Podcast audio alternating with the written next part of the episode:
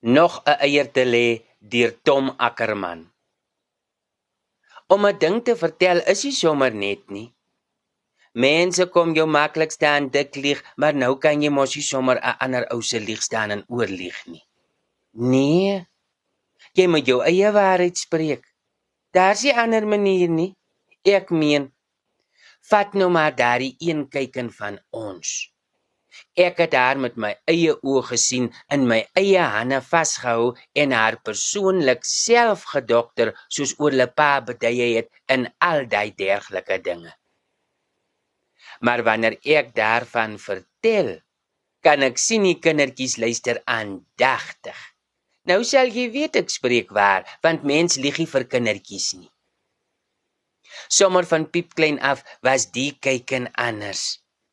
Jy kon dadelik sien sy te houding. En as groot hen was dit nog so, en met reg, want sy was nie sommer hier juise hoender nie. Pa het dit ook gesien en gewaardeer. En toe dit nou tyd kom dat sy moet begin lê, het hy haar fyn dopgehou en anders te begin behandel. Die eerste ding wat pa opgelet het, is dat hierdie hennetjie anders te lê. Ander henne kan vir ure op die nes sit voordat daar 'n eier is en dan staan hulle op en begin kekkel sonder om te weet waarvoor. Maar nie hierdie hennetjie nie. Nee. As haar tyd kom, stap sy nes toe, gaan sit en lê sommer so kaploeks 'n eier. Dan staan sy op en kyk eers of die eier die moeite werd is om voor te kekkel en dan kekkel sy en dis ook sommer waar sy die naam gekry het Kaploeksie, oordat sy eie eier sommer so kaploeks kon lê. Pa het gesê sy het 'n spesiale nes nodig en beduie hoe dit moet lyk. Toe bou ek self die nes, maar mooi, lekker sag uitgevoer met watte en 'n klein valdeurtjie onderin. Dan gaan daar 'n geet af tot in 'n vangbak. Alles met watte uitgevoer, te pragtig toes dit vir jou 'n ding. Kaploeksie kom sit, lê 'n eier wat hierdie valdeurtjie glip en geet af tot in die vangbak rol. Sy staan op om te kyk na haar prestasie en daar's natuurlik niks.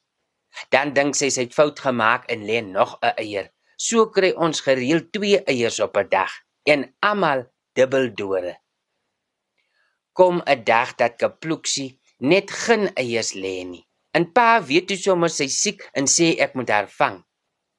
Ek maak so en pa ondersoek en sê ja nee. Die ou storie. Bring maar die medisyne. Pa daar sommer baie van sy mengsel gegee. Houtsaagsels, eysterveilsels, staaldruppels en al daardie dergelike dinge wat ek nie eintlik weet wat nie. Maar hy gee sommer baie want hy's lief vir Kaploeksie. Dit het ek lankal gesien ewentwel.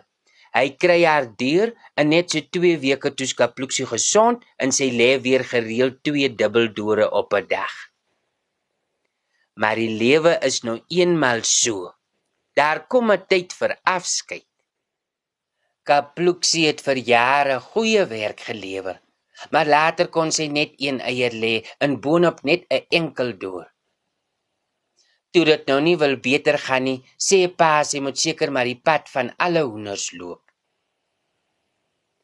Sy sal goed lyk op die Sondagtafel. Sê sag, amper soos by 'n begrafnis. Daar's 'n snaaksigheid in sy stem en hy draai sommer om en loop weg. Die Saterdag vang ons vir Kaploeksie. Dis nou bloedbroer Levis en Eke. Levis hou vas en ek staan reg om te kap met my handbyltjie met die mooi eysterhoutsteeltjie. Ek kap en Levis los, want ons weet mos van lankal af. Maar daardie dag het ons nie geweet nie, glad nie. Want toe ek kap, is daar so 'n metaalklank soos twee eysters op mekaar. Kapluxiol weg met die vlerke wyd gespan in volle vaart en sy skree en skel so ver as hy gaan. Sommer werf uit.